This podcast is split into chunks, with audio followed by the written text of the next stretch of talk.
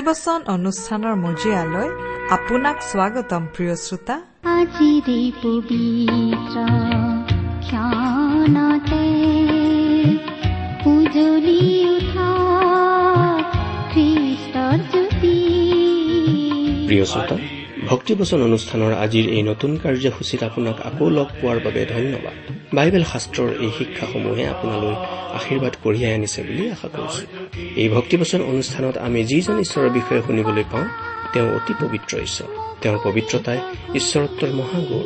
তেওঁ কেৱল নিজেই পবিত্ৰ এনে নহয় তেওঁ মানুহকো পবিত্ৰ হবলৈ সহায় কৰে। প্ৰভু যীশুখ্ৰীষ্টৰ ক্ৰুচীয় বলিদানৰ যোগেৰে পাপী মানুহৰ পাপ ধুবলৈ তেওঁ ব্যৱস্থা কৰিলে যাতে সেই বলিদানত বিশ্বাস কৰি পাপমোচন হয় আৰু পাপৰ সাগৰত ডুব গৈ থকা মানুহ পৰিষ্কাৰ আৰু সূচী হয় পবিত্ৰ হয়। অকল সেয়াই নহয় প্ৰতিদিন পবিত্ৰ জীৱন যাপন কৰিবলৈ সহায় কৰিবৰ বাবে তেওঁ পবিত্ৰ আত্মাক এই পৃথিৱীলৈ পঠিয়াই দিছে। সেই পবিত্ৰ আত্মাই আপোনাক সত্যৰ পথে পবিত্ৰতাৰে চলি যাবলৈ সহায় কৰে। এই পবিত্ৰ ঈশ্বৰৰ বিষয়ে আৰু অধিককৈ জানিবলৈ আহক। আজিৰ ভক্তিবচন অনুষ্ঠানসমূহ ধৰালে নম্ৰ মানৱ ৰূপে। বৈতলেহে মন গোহালি ঘৰ তেওঁ জনম ধৰিলে। সেই আনন্দত শুভ বাতৰি সেই আনন্দত শুভ বাতৰি ভাল পাওঁ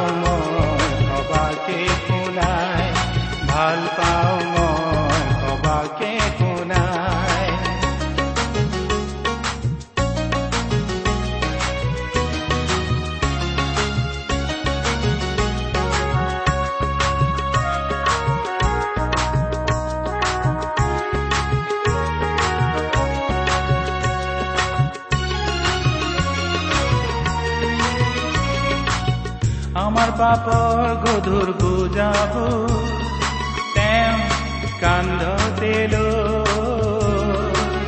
ক্ৰুচৰ ওপৰত প্ৰাণৰ পিলে আমাৰ জীৱন দিবলৈ আমাৰ পাপৰ গধুৰ বুজাব তেওঁ কান্ধতে ক্ৰুচৰ ওপৰত প্ৰাণৰ পিলে আমাৰ জীৱন দিবলৈ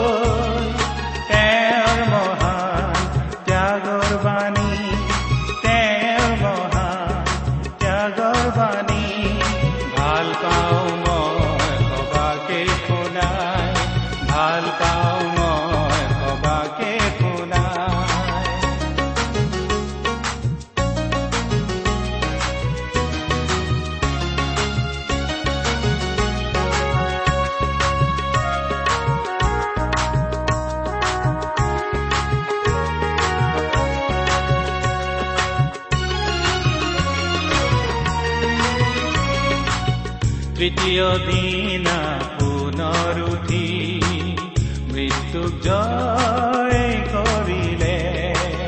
তৃতীয় দিনা পুনৰ উঠি মৃত্যুক জয় কৰিলে। সুশৰীৰে সৰগলৈ গৈ সুশৰীৰে সৰগলৈ গৈ আজি নিবেদিছে আমাৰ হকে। আমাৰ পৰম পবিত্ৰ প্ৰভু যীশুখ্ৰীষ্টৰ নামত নমস্কাৰ প্ৰিয় শ্ৰোতা। আশা কৰো মহান পিতা পৰমেশ্বৰৰ মহান অনুগ্ৰহত আপুনি ভালে কুশলে আছে। লগতে এই বুলিও আশা কৰিছো যে আপুনি আমাৰ এই ভক্তিবচন অনুষ্ঠানটো নিয়মিতভাৱে শুনি আছে। প্ৰিয় শ্ৰোতা এই অনুষ্ঠান শুনি আপুনি কেনে পাইছে আমালৈ চিঠি লিখি জনাবচোন। আপোনালোকৰ পৰা চিঠি পত্ৰ পাবলৈ আমি আগ্ৰহেৰে বাট চাওঁ। আহকচোন আজিৰ বাইবেল অধ্যয়ন আৰম্ভ কৰাৰ আগতে খন্তেক প্ৰাৰ্থনাত মূৰ দুৱাওঁ। স্বৰ্গত থকা অসীম দয়ালু পিতৃ ঈশ্বৰ তোমাৰ মহান নামৰ ধন্যবাদ কৰো। তুমি মহান তুমি কৰুণাময় তুমি অনুগ্ৰহৰ আকৰ। তোমাৰ অনুগ্ৰহতেই আজি আমি প্ৰভু যীশুত বিশ্বাস কৰি পৰিত্ৰাণ পাব পৰা হৈছো তোমাক পিতৃ বুলি মাতিব পৰা হৈছো। তুমি আমালৈ যিমান অনুগ্ৰহ দেখুৱাইছা তাৰ বাবে তোমাক ধন্যবাদ দি আমি শেষ কৰিব নোৱাৰো। এতিয়া প্ৰাৰ্থনা কৰিছো তোমাৰ মহান বাক্য বাইবেল শাস্ত্ৰৰ যোগেৰে তুমি আমাক কথা কোৱা। তোমাৰ মাত আমাক শুনিবলৈ দিয়া। কিয়নো এই প্ৰাৰ্থনা আমাৰ মহান ত্ৰাণকৰ্তা প্ৰভু যীশুখ্ৰীষ্টৰ নামত আগবঢ়াইছো।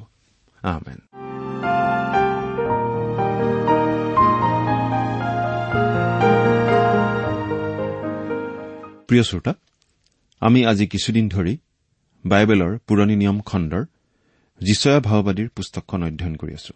নহয়নে বাৰু? আপুনি বাৰু আমাৰ যোৱা অনুষ্ঠানটো শুনিছিল নে যোৱা অনুষ্ঠানত আমি এই যিচয়া ভাৱবাদীৰ পুস্তকৰ চৌৰাল্লিছ নম্বৰ অধ্যায়লৈকে আলোচনা আগবঢ়াইছিলো। গতিকে আজি আমি আলোচনা কৰিবলৈ লৈছো পঞ্চল্লিছ নম্বৰ অধ্যায়টো। আজি আমি আলোচনা কৰিবলৈ লোৱা যিচয়া পঞ্চল্লিছ নম্বৰ অধ্যায়টোৰ মূল বিষয় হৈছে কুৰছৰ জন্মৰ আগতে তেওঁৰ বিষয়ে আগজাননী। বিশ্বব্ৰহ্মাণ্ডৰ সৃষ্টি। ইছৰাইলৰ ভৱিষ্যত। প্ৰিয় শ্ৰোতা চৌৰাল্লিছ নম্বৰ অধ্যায়ত পাই অহা কুৰছৰ কথাটো ইয়াতো ক্ৰমাগতভাৱে আলোচনা কৰা হৈছে। গতিকে চৌৰাল্লিছ নম্বৰ অধ্যায়ৰ শেষ পদটি পুনৰ পাঠ কৰি তেওঁৰ বিষয়ে আলোচনা কৰোৱা হওক। যিজনাই কুৰছৰ বিষয়ে কয় তেওঁ মোৰ মেৰ ৰখীয়া আৰু মোৰ বাঞ্চা সিদ্ধ কৰিব। যিজনাই জিৰচালেমৰ বিষয়েও কয় তাক পুনৰাই সজা হ'ব। আৰু মন্দিৰক কয় তোমাৰ ভিত্তিমূল স্থাপন কৰা হ'ব। সেই জিহুৱা ময়েই। ইয়াত যিজন কুৰছ ৰজাৰ বিষয়ে এই কথা কোৱা হৈছে তেওঁৰ জন্মৰ দুইশ বছৰ আগতেই যিচয়া ভাৱবাদীৰ যোগেদি তেওঁৰ পৰিচয় দিয়া হৈছিল। এই ঘটনাই ঈশ্বৰক বিশ্বাস নকৰাসকলক বিশ্বাস কৰিবলৈ শক্তি দিব। আৰু বিশ্বাসত দুৰ্বলসকলক সবল হবলৈ শক্তি দিব বুলি আমি আশা কৰো। এতিয়া কথা হ'ল কুৰছ ৰজাৰ জন্মৰ দুশ বছৰ আগতে তেওঁৰ কথা কিয় কোৱা হৈছিল? ইয়াৰ প্ৰথম কাৰণটো হ'ল যিচয়াই যিজন কুৰছৰ বিষয়ে কৈ গৈছে তেওঁৰ বিষয়ে মানুহৰ কোনো ভুল ধাৰণা নাথাকিব। নহলে অন্য এজনক কুৰছ বুলি ভাবিলেহেঁতেন। লগতে ইছৰাইল যে নিজ ভূমিলৈ উভতি যাব তাৰ লগত কুৰছ ৰজাৰ সম্বন্ধ আছে। আন এটা কাৰণ হ'ল যিচয়াৰ যোগেদি ঈশ্বৰে যিবোৰ কথা কৈছিল সেইবোৰ যে সঁচা তাৰ প্ৰমাণ প্ৰকাশ কৰিবলৈ কুৰছৰ নাম উল্লেখ কৰা হৈছে। তাৰমানে যিচয়াই দুশ বছৰৰ ভিতৰত কুৰছৰ বিষয়ে যি কৈছিল সেয়া যদি সঠিক হয় তেন্তে তাৰ পাছৰ কুমাৰী কন্যা গৰ্ভত জন্মগ্ৰহণ কৰিবলগীয়া যীশুৰ বিষয়ে কোৱা কথাও সঠিক হ'ব। কাৰণ কুৰছৰ জন্মৰ কেইবাশ বছৰৰ পাছতহে যীশুখ্ৰীষ্টৰ জন্ম হৈছিল। যি জন্মৰ বিষয়ে যীশুৱা ভাওবাদীয়ে জনাই থৈছিল। গতিকে কুৰছৰ যোগেদি ঈশ্বৰে ইছৰাইলীয়াসকলক যীশুখ্ৰীষ্টৰ আগমনৰ বাবে সাজু হৈ থাকিবলৈও জনাই দিছিল। এতিয়া এই কথা মন কৰক। যে ঈশ্বৰে কুৰছক মোৰ মেৰখীয়া বুলি কৈছে আৰু কৈছে যে তেওঁ ঈশ্বৰৰ বাঞ্চা পূৰ কৰিব আৰু জিৰচালেম পুনৰ স্থাপন কৰিব। এই বিষয়ে চোৱাৰ আগতে আমি এটা কথা মনত পেলোৱা ভাল হ'ব যে ইছৰাইলৰ উত্তৰ অঞ্চলৰ মানুহবিলাকক বন্দী কৰি ৰাখিবলৈ ঈশ্বৰে ওচৰীয়াসকলক ব্যৱহাৰ কৰিছিল আৰু জিৰচালেম ধ্বংস কৰি দক্ষিণ ইছৰাইলৰ মানুহবিলাকক বন্দী কৰিবলৈ বাবিলক ব্যৱহাৰ কৰিছিল। কিন্তু বাবিল আৰু ওচৰীয়া উভয়েই দুষ্ট প্ৰকৃতিৰ আছিল। কিন্তু দুষ্টৰ দ্বাৰাই ঈশ্বৰে নিজ লোক ইছৰাইলক শাস্তি দিছিল আৰু ওচৰীয়া আৰু বাবিলনকো শাস্তি নিদিয়াকৈ থকা নাছিল। কিন্তু কুৰছ হলে ওচৰীয়া আৰু বেবিলনীয়াবিলাকতকৈ বেলেগ আছিল কাৰণ ঈশ্বৰে তেওঁক মোৰ মেৰখীয়া আৰু মোৰ মনোবাঞ্চা পূৰ কৰোতা বুলি কৈছে। মৃত্যুৰ পাছত এটা সময়ত এটি বিশেষ কথাক লৈ আমি সকলোৱে আচৰিত হ'ম। সেইটো হৈছে ঈশ্বৰৰ স্বৰ্গৰাজ্যত আমি এনে কিছুমান মানুহক হয়তো লগ পাম যিসকলে স্বৰ্গ পাব বুলি আমি ভাবিবই নোৱাৰো। আনহাতে যিসকলে স্বৰ্গ পাবই বুলি আজি হয়তো ভাবি আছে তেওঁলোকৰ বহুতেই তাত স্থান নাপাব। আমিও যিসকলে স্বৰ্গত থাকিম সেয়া যীশুখ্ৰীষ্টৰ কাৰণেহে থাকিবলৈ পাম। এতিয়া পাৰ্থক্যটো মন কৰক। যে ওচৰীয়া আৰু বাবিলনে ইছৰাইলীয়াসকলক বন্দী কৰি ঈশ্বৰৰ ইচ্ছা সিদ্ধ কৰিছিল যদিও কুৰছ ৰজাই কিন্তু ঈশ্বৰৰ মনোবাঞ্ছা পূৰ্ণ কৰিছিল। এইটোৱেই হ'ল কুৰছৰ লগত বেবিলন আৰু ওচৰীয়াৰ পাৰ্থক্য। ওচৰীয়া আৰু বাবিলনীয়াসকলে ঈশ্বৰৰ কিবা আঁচনি সিদ্ধ কৰা বুলিও ভবা নাছিল। কেৱল তেওঁলোকৰ যোগেৰে ঈশ্বৰৰ পৰিকল্পনা সিদ্ধ হৈছিল তেওঁলোকে গম নোপোৱাকৈয়ে। কিন্তু কুৰছে ঈশ্বৰৰ পৰা আদেশ পাই কাৰ্য কৰিছিল। এতিয়া কুৰছৰ বিষয়ে পঞ্চল্লিছ নম্বৰ অধ্যায়ৰ আমি এক নম্বৰ পদটো পাঠ কৰিছো শুনিবচোন। যাৰ আগত সকলো জাতিবিলাকক বশীভূত কৰিবলৈ মই তেওঁৰ সোঁহাত ধৰিছো। দুৱাৰবোৰ পুনৰাই জাপ নোখোৱাকৈ যাৰ আগত মই দুৱাৰবোৰ মুকলি কৰিবলৈ ৰজাবিলাকৰ কঁকাল পেলাম ঈশ্বৰে সেই নিজ অভিষিক্ত কুৰচক এই কথা কৈছে। জীচয়াৰ এইটো এটি মন কৰিবলগীয়া ভৱিষ্যৎবাণী জীচয়াই এই কথা কোৱাৰ দুশ বছৰলৈকে ইতিহাসৰ পাতত কুৰছৰ কোনো নাম নাছিল। কুৰছৰ জন্ম পূব দেশত পাৰ্চিয়াত হৈছিল। ইৰাণত তেওঁৰ মৈদামৰ ধ্বংসাৱশেষ এতিয়াও আছে। কুৰছ অৱশ্যে নম্ৰ আৰু ঈশ্বৰ নিৰ্ভৰশীল লোক আছিল। কিন্তু বেছিভাগ ৰজাই অহংকাৰী আৰু মিছলীয়া। তেওঁলোকে কোৱা কথাৰ কণা এটিহে আচলতে আমি বিশ্বাস কৰিব পাৰো। কিন্তু কুৰছ হলে বেলেগ আছিল। তেওঁ অহংকাৰী আৰু দাম্ভিক নাছিল কিন্তু জগতৰ লগত তেওঁৰ মিতিৰালি আছিল। আন এটা মন কৰিবলগীয়া কথা হ'ল ঈশ্বৰে কুৰছক তেওঁৰ অভিষিক্ত জনা বুলি কৈছিল। এই উপাধিটো কেৱল যীশুখ্ৰীষ্টৰ ক্ষেত্ৰতহে খাটে। তথাপিতো কুৰছক এই উপাধিটো কিয় দিয়া হৈছিল বাৰু?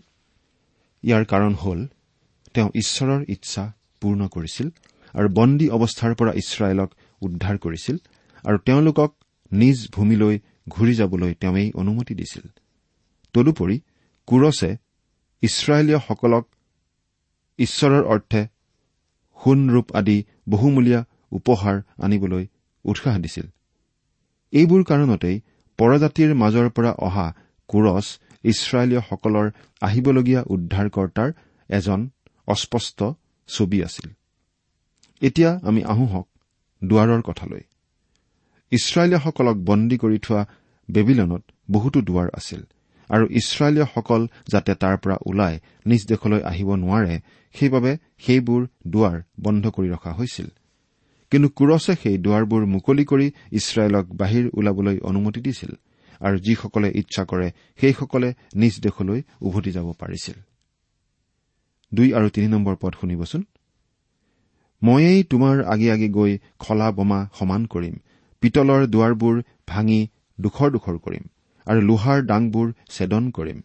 মই যে তোমাৰ নাম কাঢ়ি মাতোতা ইছৰাইলৰ ঈশ্বৰ তুমি তাক জানিবৰ নিমিত্তে মই তোমাক আন্ধাৰত থকা ধন আৰু গুপুত ঠাইত লুকুৱাই থোৱা বহুমূল্য বস্তু তোমাক দিম। প্ৰিয় শ্ৰোতা ইয়াত কোৱা হৈছে যে বেবিলনৰ ৰজাসকলে আন আন দেশ আৰু জিৰচালেম আক্ৰমণ কৰি যিবোৰ মূল্যৱান বস্তু নিছিল সেইবোৰ কুৰছে লাভ কৰিছিল। চাৰি আৰু পাঁচ নম্বৰ পদ শুনিবচোন। মোৰ দাস জাকুবৰ আৰু মোৰ মনোনীত ইছৰাইলৰ নিমিত্তে মই তোমাক নাম ধৰি মাতিলো। যদিও তুমি মোক জনা নাই তথাপিতো মই তোমাক উপাধি দিলো। মই পোহৰ নিৰ্মাণ কৰো আৰু অন্ধকাৰ সৃষ্টি কৰো। মই শান্তি স্থাপন কৰো আৰু অমংগল সৃষ্টি কৰো। মই এই সকলোকে সিদ্ধ কৰোতা ঈশ্বৰ। ইয়াত কোৱা হৈছে যে কুৰছে ঈশ্বৰক নজনা সত্বেও ঈশ্বৰে তেওঁক মনোনীত কৰিছিল। অৱশ্যে পাছত কুৰছে সেই ঈশ্বৰক জানিছিল। ছয় আৰু সাত নম্বৰ পদ শুনক। সূৰ্য উদয় হোৱা ঠাইৰে পৰা পশ্চিম ফাললৈকে সকলো লোকে যেন মোৰ বাহিৰে কোনো নাই বুলি জানিব পাৰে এই নিমিত্তে যদিও তুমি মোক জনা নাই তথাপি মই তোমাৰ কটিবন্ধন কৰিম। ময়ে ঈশ্বৰ আন কোনো নাই।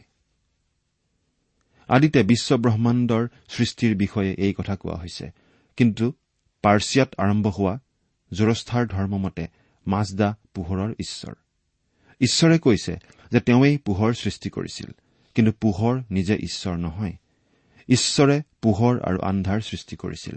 আন্ধাৰৰ আন এটা নাম মন্দ মন্দতা। মন্দতা মানে কেৱল দুষ্টতা নহয় কিন্তু দুখ কষ্ট শোক দুৰ্ভিক্ষ অন্যায় অত্যাচাৰ এইবিলাকো মন্দতা। অৰ্থাৎ পাপৰ ফল সকলোৱেই মন্দ। আৰু পাপৰ পৰিণাম হ'ল মৃত্যু।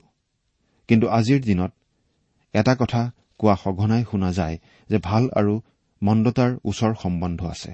তাৰ মাজত বিশেষ পাৰ্থক্য নাই। যিটো ভাল বুলি ভবা যায় সেইটো ভাল আৰু যিটো বেয়া বুলি ভবা যায় সেইটোৱে বেয়া। এই বুলি আজিৰ মানুহে কয়।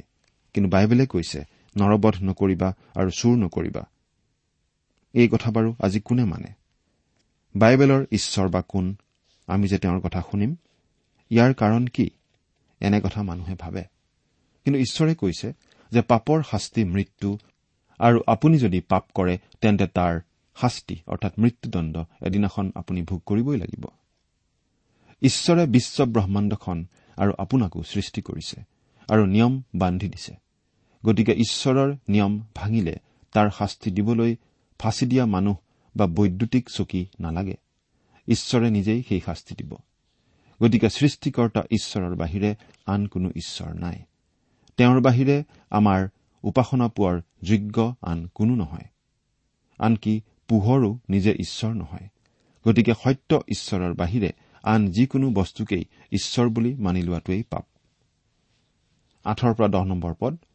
হে গগনমণ্ডল তুমি ওপৰৰ পৰা নিয়ৰ স্বৰূপে ধাৰ্মিকতা বৰ্ষণ কৰা আৰু মেঘবোৰে ধাৰ্মিকতা বৰষাওক। পৃথিৱী বিদীৰ্ণ হওক পৰিত্ৰাণ আৰু ধাৰ্মিকতা বাঢ়ক। পৃথিৱীয়ে উভয়কে একেলগে উৎপন্ন কৰক। মই জিহুৱাই ইয়াক সৃষ্টি কৰিলো। যিজনে নিজ নিৰ্মাণকৰ্তাৰ লগত বিবাদ কৰে তাৰ সন্তাপ হ'ব। সি পৃথিৱীৰ খোলাকটিবোৰৰ মাজৰ এডোখৰ খোলাকটি মাথোন। তুমি কি বনাইছা? এই বুলি জানো বনাওতাজনক মাটিয়ে কব। বা তাৰ হাত নাই এই বুলি জানো তাৰ সজা বস্তুৱে কব। তুমি কি জন্ম দিছা এই বুলি যিজনে বাপেকক? তুমি কি প্ৰসৱ কৰিছা এই বুলি তিৰোতা মানুহক কয় তাৰ সন্তাপ হ'ব। প্ৰিয় শ্ৰোতা ইয়াত কোৱা হৈছে যে আপুনি ঈশ্বৰৰ হাতত নিজকে সোধাই দিয়াৰ পৰিৱৰ্তে তেওঁৰ লগত তৰ্ক বিতৰ্ক বা বিৰোধিতা কিয় কৰে? কৰি কোনো লাভ নাই কাৰণ আপুনি নিশ্চয়কৈ পৰাজিত হবই। ঈশ্বৰে তেওঁৰ বাক্যত কৈছে মোৰ সৈতে বাক বিতণ্ডা নকৰিবা আৰু মোৰ অহিতেও নাযাবা। মোৰ লগত যুঁজিব পাৰিবা বুলি নাভাবিবা। কিন্তু তুমি যদি নিজে নম্ৰ হৈ নিজকে পাপী বুলি স্বীকাৰ কৰি মোৰ ওচৰলৈ আহা তেন্তে তোমাৰ পাপবোৰ সিন্দুৰ বৰণীয়া হলেও তাক ধুই মই হিমতকৈ বগা কৰিম। এইকাৰণে প্ৰিয় শ্ৰোতা আপুনি যুক্তিৰে ঈশ্বৰক নাচাই সৰল বিশ্বাসেৰে তেওঁৰ ওচৰলৈ আহিলে আপোনাৰ মংগল হবই। এই কথা ঈশ্বৰে কৈছে। এতিয়া এঘাৰ নম্বৰ পদৰ পৰা তেৰ নম্বৰ পদলৈকে শুনিবচোন। ইছৰাইলৰ পবিত্ৰ জনা আৰু নিৰ্মাণকৰ্তা জিহুৱাই এই কথা কৈছে তোমালোকে আগলৈ হ'ব লগা ঘটনাৰ বিষয়ে মোক সোধা। মোৰ সন্তানবিলাকৰ আৰু মোৰ হাতৰ কাৰ্যৰ ভাৰ মোক সোধাই দিয়া। মই এই পৃথিৱী নিৰ্মাণ কৰিলো আৰু তাৰ ওপৰত মনুষ্য সৃষ্টি কৰিলো। ময়েই নিজ হাতেৰে আকাশমণ্ডল বিস্তাৰ কৰিলো আৰু তাৰ সকলো বাহিনীবিলাকক মই আজ্ঞা দিলো। বাহিনীবিলাকৰ জিহুৱাই এই কথা কৈছে। ময়েই সেইজনক ধাৰ্মিকতা সিদ্ধিৰ অৰ্থে উৎপন্ন কৰিলো আৰু তেওঁৰ সকলো পথ মই সমান কৰিম। তেওঁৱেই মোৰ নগৰখনি সজাব আৰু বিনামূল্যে কি বিনা ভেটিয়ে মোৰ দেশান্তৰিত লোকবিলাকক পঠাই দিব। প্ৰিয় শ্ৰোতা ঈশ্বৰে কোৱা এই কথাটো মন কৰিবলগীয়া যে তেওঁ আকাশমণ্ডল বিস্তাৰিত কৰিছে অৰ্থাৎ বিস্তাৰিত হৈ আছে। এয়া কোনো আকস্মিক ঘটনা বা কাল্পনিক ঘটনা নহয় এয়া সঁচা কথা। কিন্তু কথা হ'ল যাক আমি আকাশমণ্ডল বুলি কওঁ তাৰ সীমা আমি নাজানো আৰু জ্যোতিৰ্বিজ্ঞানীসকলেও তাৰ সীমা উদ্ভাৱন কৰিব পৰা নাই। বিজ্ঞানে যিমান দূৰলৈ আগুৱাই গৈছে পৃথিৱীও সিমান দূৰলৈ আঁতৰি গৈছে। এই আকাশমণ্ডলত অনেক তাৰকা ৰাজ্য অগণন গ্ৰহ নক্ষত্ৰ ইত্যাদি আছে। এইবোৰ একে ঠাইতেই স্থিৰ হৈ থকাও নাই। নিজ নিজ কক্ষপথত ঘূৰি আছে অথচ ইটোৰ লগত সিটোৰ খুন্দা খুন্দিও লগা নাই। এইবিলাক কাৰ্যৰ অধিকাৰী এজন নিশ্চয় আছে। সেইজন কোন? ঈশ্বৰে কৈছে যে তেওঁই আকাশমণ্ডল সৃষ্টি কৰিলে আৰু বিস্তাৰিত হৈ আছে। অৱশ্যে তেওঁ কেনেকৈ এইবিলাক কৰিলে সেই কথা আমাক কোৱা নাই আৰু কলে হয়তো আমি বুজি নাপাম। কাৰণ তেওঁ একো নোহোৱাৰ পৰা এই সকলোকে কৰিলে। ঈশ্বৰৰ বাহিৰে আপুনি যি তত্বৰ কথাই নকওক বা যোনে যি তত্ব নুলিয়াওক কিয় একো নোহোৱাৰ পৰা কিবা এটা কেনেকৈ হ'ব পাৰে সেই উত্তৰটো আপুনি যেতিয়ালৈকে দিব নোৱাৰে তেতিয়ালৈকে কোনো যুক্তি দিবলৈ চেষ্টা নকৰিব। কাৰণ ঈশ্বৰে কৈছে ময়েই সকলোকে সৃষ্টি কৰিলো। এই কথা আমি বিশ্বাস কৰো। চৈধ্যৰ পৰা সোতৰ নম্বৰ পদ। ঈশ্বৰে এইদৰে কৈছে মিছৰৰ পৰিশ্ৰমৰ ফল আৰু কোচ দেশৰ বাণিজ্য দ্ৰব্য আৰু দীৰ্ঘকায়ী চবাইয়া লোক তোমাৰ ওচৰলৈ আহিব আৰু সিহঁত তোমাৰেই হ'ব। সিহঁত তোমাৰ পাছত চলোতা হ'ব। সিহঁত শিকলিৰে বন্ধ হৈ তোমাৰ ওচৰলৈ আহিব আৰু তোমাৰ আগত প্ৰণিপাত কৰি এই বুলি প্ৰাৰ্থনা কৰিব। নিশ্চয়ে কেৱল তোমাৰ মাজতহে ঈশ্বৰ আছে। আন কোনো নাই আন কোনো ঈশ্বৰ নাই। হে ইছৰাইলৰ ঈশ্বৰ ত্ৰাণকৰ্তা নিশ্চয় তুমি নিজকে গোপন ৰাখোতা ঈশ্বৰ। মূৰ্তি সাজোতাবোৰে লাজ পাব। এনেকে সিহঁত সকলোৱে বিবৰ্ণ হ'ব। সিহঁত একেবাৰে লাজত পৰি বিমুখ হৈ যাব। কিন্তু ইছৰাইল জিহুৱাৰ দ্বাৰাই অনন্তকলীয়া পৰিত্ৰাণেৰে ৰক্ষিত হ'ব। তোমালোক অনন্তকাললৈকে কেতিয়াও লজ্জিত কে বিবৰ্ণ নহবা। প্ৰিয় শ্ৰোতা এই কথাটো স্পষ্টকৈ কোৱা হৈছে যে ঈশ্বৰ ইছৰাইলৰ লগত আছে। তেওঁলোকক ঈশ্বৰে ত্যাগ কৰা নাই। অৱশ্যে তেওঁলোকৰ অবাধ্যতাৰ বাবে ঈশ্বৰে তেওঁলোকক শাস্তি দিছিল আৰু ফলস্বৰূপে তেওঁলোক বাবিল দেশত বন্দী হৈ থাকিবলগীয়া হৈছিল। কিন্তু তেওঁলোকৰ উদ্ধাৰৰ ব্যৱস্থা ঈশ্বৰে নিজেই কৰিছিল। তাৰ পাছত তেওঁলোক পুনৰ ঈশ্বৰৰ অবাধ্য হৈছিল। অৰ্থাৎ তেওঁলোকক উদ্ধাৰ কৰিবলৈ অহা অভিষিক্ত জনা অৰ্থাৎ প্ৰভু যীশুখ্ৰীষ্টক তেওঁলোকে গ্ৰহণ কৰা নাছিল। তাৰ ফলস্বৰূপে ঈশ্বৰে তেওঁলোকক শাস্তি দিছে। তেওঁলোক আজিও শান্তিত থাকিব পৰা নাই। কিন্তু সেইবুলি ঈশ্বৰে তেওঁলোকক ত্যাগো কৰা নাই। এই যুগৰ শেষত তেওঁলোক শত্ৰুৰ হাতত চূড়ান্তভাৱে নিৰ্যাতিত আৰু প্ৰতাৰিত হ'ব। তাৰ পৰা উদ্ধাৰ পাবলৈ তেওঁলোকৰ কোনো উপায় নাথাকিব। কিন্তু ঈশ্বৰে তেওঁলোকক উদ্ধাৰ কৰিব। সেইজনা ঈশ্বৰৰ বাহিৰে যিসকলে কটা প্ৰতিমা বা আন প্ৰকাৰৰ মূৰ্তিক ঈশ্বৰ বুলি মানি লৈছে তেওঁলোক লাজত পৰিব। কাৰণ আজি যাক ঈশ্বৰ বুলি মানিছে শেষৰ দিনা তাৰ কোনো চিনচাপ নাথাকিব। সেই সকলোকে প্ৰভুৰ ৰাজ্যৰ পৰা বহু দূৰ কৰা হ'ব। কিন্তু সত্য ঈশ্বৰৰ ওপৰত নিৰ্ভৰ কৰা সকল লাজত নপৰিব। কাৰণ ঈশ্বৰে নিজে সেইসকলক বিচাৰি উলিয়াব আৰু চিৰদিনৰ বাবে সুৰক্ষা দিব। সেই জনা সত্য ঈশ্বৰৰ ওপৰত যদি আপুনি আজিও নিৰ্ভৰ কৰা নাই তেন্তে আপোনাৰ সমান দুৰ্ভগীয়া আৰু কোনো নাই বুলি বাইবেলে শিকাইছে। ঈশ্বৰে আপোনাক এতিয়াও মাতি আছে। আপোনাৰ বাবে বাট চাই আছে। আপুনি হেলা কৰা উচিত নহয়। আপোনাৰ মন কঠিন কৰা উচিত নহয়। সৰল আৰু নম্ৰ মনেৰে ঈশ্বৰৰ হাতত নিজকে সোধাই দিয়া উচিত। আৰু আপোনাৰ মনৰ সকলো কথা তেওঁক জনাই দিয়া উচিত। তেওঁ আপোনাৰ কথা শুনিব আৰু আপোনাৰ উত্তৰ দিব। তেওঁৰ উপস্থিতি আপুনি চকুৰে দেখা নাপালেও আপোনাৰ অন্তৰত তেওঁৰ উপস্থিতি গম পাব। এতিয়া আমি ওঠৰ নম্বৰ পদৰ পৰা পঁচিছ নম্বৰ পদলৈকে পাঠ কৰি দিম। কিয়নো যিজনা ঈশ্বৰ যিজনা পৃথিৱীৰ গঠনকৰ্তা আৰু নিৰ্মাণকৰ্তা যিজনাই তাক স্থাপন কৰিলে যিজনাই অনৰ্থকৰূপে সৃষ্টি নকৰি বাসস্থানৰ নিমিত্তেহে তাক নিৰ্মাণ কৰিলে। আকাশমণ্ডলৰ সৃষ্টিকৰ্তা সেই জিহুৱাই এই কথা কৈছে ময়েই জিহুৱা আন কোনো নাই। মই গুপুতে অন্ধকাৰময় দেশৰ কোনো ঠাইত কথা কোৱা নাই। তোমালোকে মোক বৃথা বিচাৰা এইবুলি মই জাকুবৰ বংশক কোৱা নাই। মই জিহুৱাই সত্য কথা কওঁ যথাৰ্থ কথা প্ৰকাশ কৰো। হে জাতিবোৰৰ ভিতৰৰ ৰক্ষা পোৱা লোকবিলাক তোমালোকে গোট খাই আহা একেলগে ওচৰ চাপি আহা। যিবোৰে নিজৰ কাঠ মাত্ৰ প্ৰতিমা ভাৰ বৈ ফুৰে আৰু ত্ৰাণ কৰিব নোৱাৰা দেৱতাৰ আগত প্ৰাৰ্থনা কৰে। সিহঁতৰ একো জ্ঞান নাই। তোমালোকে কথা প্ৰকাশ কৰা আৰু কথা উলিওৱা। এনেকি সিহঁতে একেলগে আলচ কৰক। আগৰ কালৰ পৰা কোনে এই কথা শুনালে? পূৰ্বকালৰ পৰা কোনে এই কথা প্ৰকাশ কৰিলে? মই জিহুৱাই কৰা নাইনে? মোৰ বাহিৰে আন কোনো ঈশ্বৰ নাই। মই ন্যায়বান ঈশ্বৰ আৰু ত্ৰাণকৰ্তা মোৰ বাহিৰে আন কোনো নাই। হে পৃথিৱীৰ অন্তবাসীবিলাক মোলৈ দৃষ্টি কৰি পৰিত্ৰাণপ্ৰাপ্ত হোৱা। কিয়নো ময়েই ঈশ্বৰ আন কোনো নাই। মোৰ আগত প্ৰত্যেক আঁঠু যে পৰা হ'ব আৰু প্ৰত্যেক জীৱাই যে শপত কৰিব। মই মোৰ নাম লৈ এনে শপত কৰিলো। মোৰ মুখৰ পৰা ধৰ্মবাক্য ওলাল আৰু সেয়ে নোলটিব। লোকে কব কেৱল জিহুৱাতহে মোৰ ধাৰ্মিকতা আৰু বল আছে।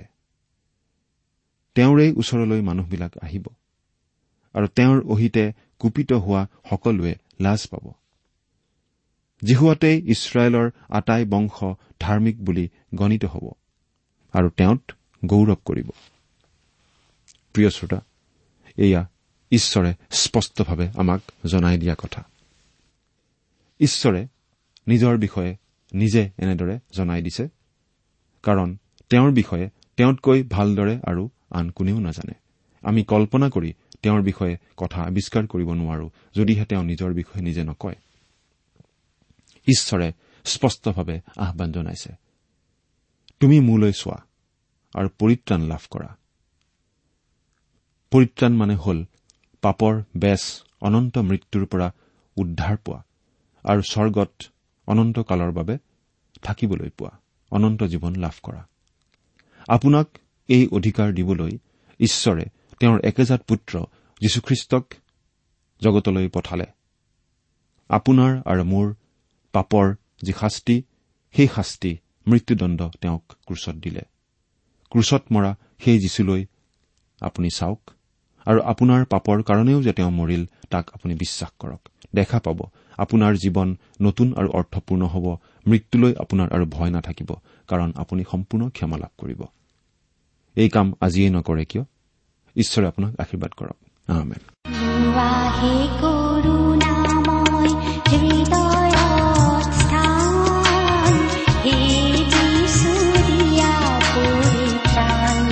ইমান পৰে আপুনি বাইবেল শাস্ত্ৰৰ পৰা ঈশ্বৰৰ বাক্য শুনিলে। এই বিষয়ে আপোনাৰ মতামত জানিবলৈ পালে আমি নথৈ আনন্দিত হ'ম।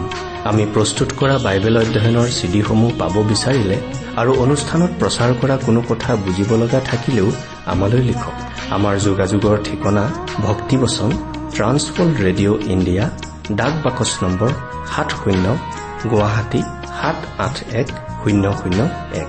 ঠিকনাটো আকৌ এবাৰ কৈছো ভক্তিবচন ট্ৰান্সৱৰ্ল্ড ৰেডিঅ' ইণ্ডিয়া ডাক বাকচ নম্বৰ সাত শূন্য গুৱাহাটী সাত আঠ এক শূন্য শূন্য এক। আমাৰ ইমেইল এড্ৰেছটো হৈছে Assamese T TV at the rate radio' eight eight two dot com.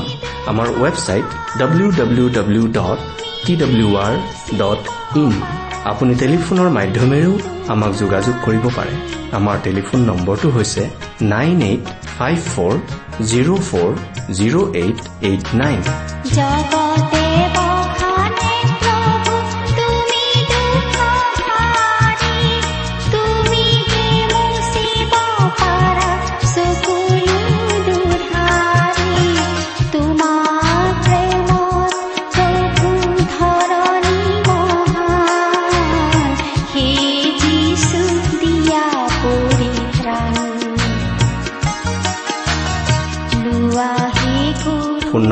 আকৌ এবাৰ কৈছো ন আঠ পাঁচ চাৰি শূন্য চাৰি শূন্য আঠ আঠ ন।